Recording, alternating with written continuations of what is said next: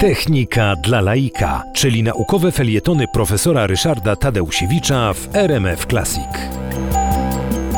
Słodycze są y, niezdrowe, a szczególnie są szkodliwe dla osób, które muszą być na diecie oraz no, cukrzyków, to znaczy tych, którzy ilość przyjmowanych węglowodanów muszą bardzo radykalnie ograniczać.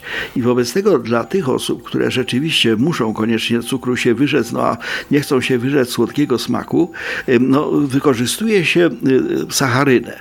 Sacharynę związek chemiczny, który właściwie no, z cukrem nie ma nic wspólnego, a powoduje tak silny smak e, słodki, że szacuje się według odpowiednich badań psychologicznych, że sacharyna jest 500 razy słodsza od cukru. Wobec tego rzeczywiście ogromnie malutka ilość tej sacharyny może e, osłodzić nam całą herbatę, kawę, e, no, czy nawet kompot. Odkrywcą czy wynalazcą sacharyny był Konstantin Falberg, amerykański chemik, który zajmował się badaniem smoły węglowej węglowej, czyli substancji całkowicie niejadalnej. Ale pewnego dnia Konstantin Felberg wrócił do domu po swojej pracy, gdzie dotykał tej smoły węglowej, e, dostał coś tam do jedzenia i nagle stwierdził, że to jest bardzo słodkie.